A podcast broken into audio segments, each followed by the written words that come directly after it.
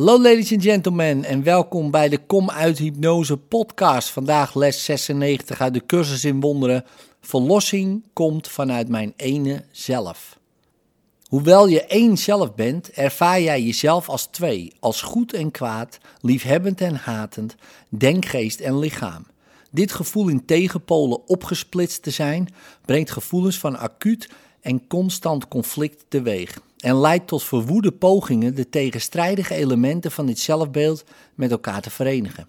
Je hebt veel van zulke oplossingen gezocht en niet één ervan heeft geholpen.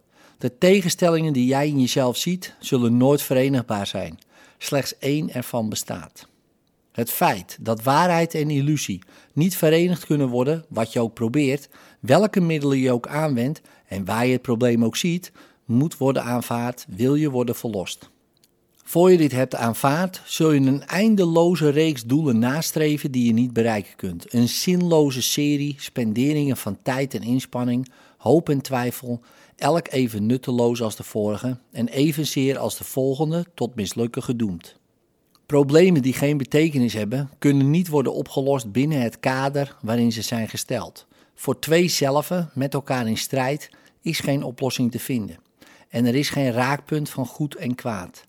Het zelf dat jij hebt gemaakt kan nooit jouzelf zijn.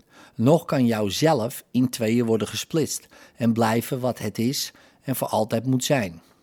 Denkgeest en lichaam kunnen niet beide bestaan. Doe geen poging de twee te verenigen, want de een ontkent dat de ander werkelijk kan zijn. Als jij lichaam bent, is je denkgeest uit je zelfconcept verdwenen, want hij heeft dan geen plaats waar hij werkelijk deel van jou zou kunnen zijn. Als jij geest bent, kan het lichaam voor jouw werkelijkheid geen enkele betekenis hebben. Als jij geest bent, kan het lichaam voor jouw werkelijkheid geen enkele betekenis hebben. De geest maakt van de denkgeest gebruik als middel om zijn zelfexpressie te vinden. En de denkgeest die de geest dient, is in vrede en vervuld van vreugde.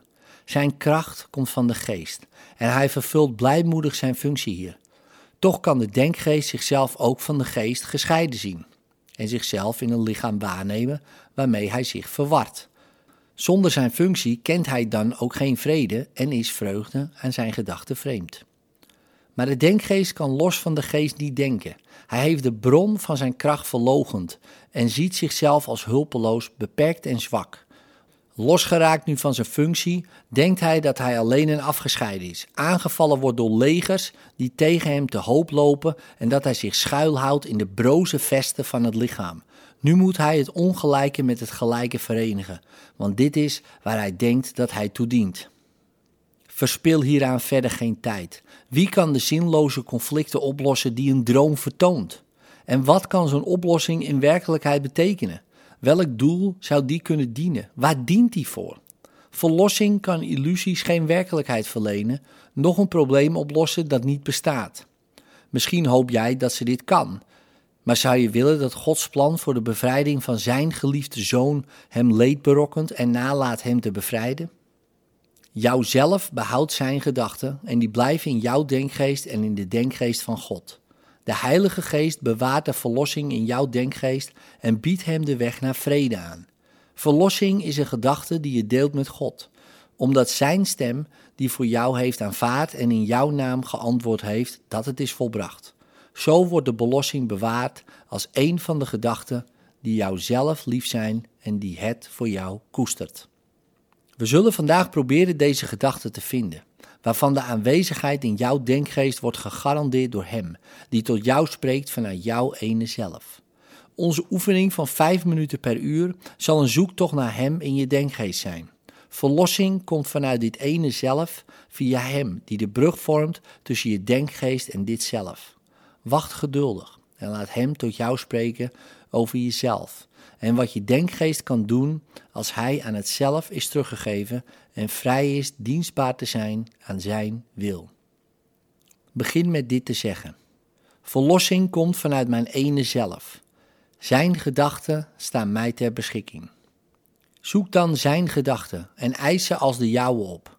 Dit zijn je eigen werkelijke gedachten die jij verlogend hebt, toen jij je denkgeest in een wereld van dromen liet ronddwalen, om in hun plaats illusies te vinden, hier zijn jouw gedachten, de enige die jij hebt. Verlossing is in hun midden, vind die daar. Als je hierin slaagt, zullen de gedachten die bij jou opkomen je laten weten dat je verlost bent en dat je denkgeest de functie gevonden heeft die hij poogde te verliezen. Jouzelf zal hem verwelkomen en vrede schenken. In kracht hersteld zal die opnieuw uitstromen van de geest naar de geest in alle dingen die door de geest als zichzelf geschapen zijn. Jouw denkgeest zal alles zegenen. De verwarring is voorbij. Jij bent hersteld, want je hebt jouzelf gevonden. Jouzelf weet dat jij niet falen kunt vandaag. Misschien blijft je denkgeest nog een tijdje onzeker. Laat je hierdoor niet ontmoedigen. De vreugde die jou zelf ervaart, zal het voor jou bewaren. En ze zal uiteindelijk in vol bewustzijn de jouwe zijn. Elke keer dat je vijf minuten van een uur eraan besteedt naar Hem te zoeken die je denkgeest met jezelf verbindt, schenk je Hem een nieuwe schat om voor jou te bewaren.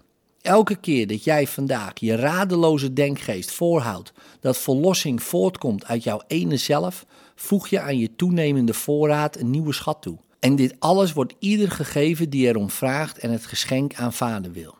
Bedenk dan hoeveel jou gegeven wordt om deze dag te geven, opdat dit jou gegeven wordt. In liefde, tot morgen.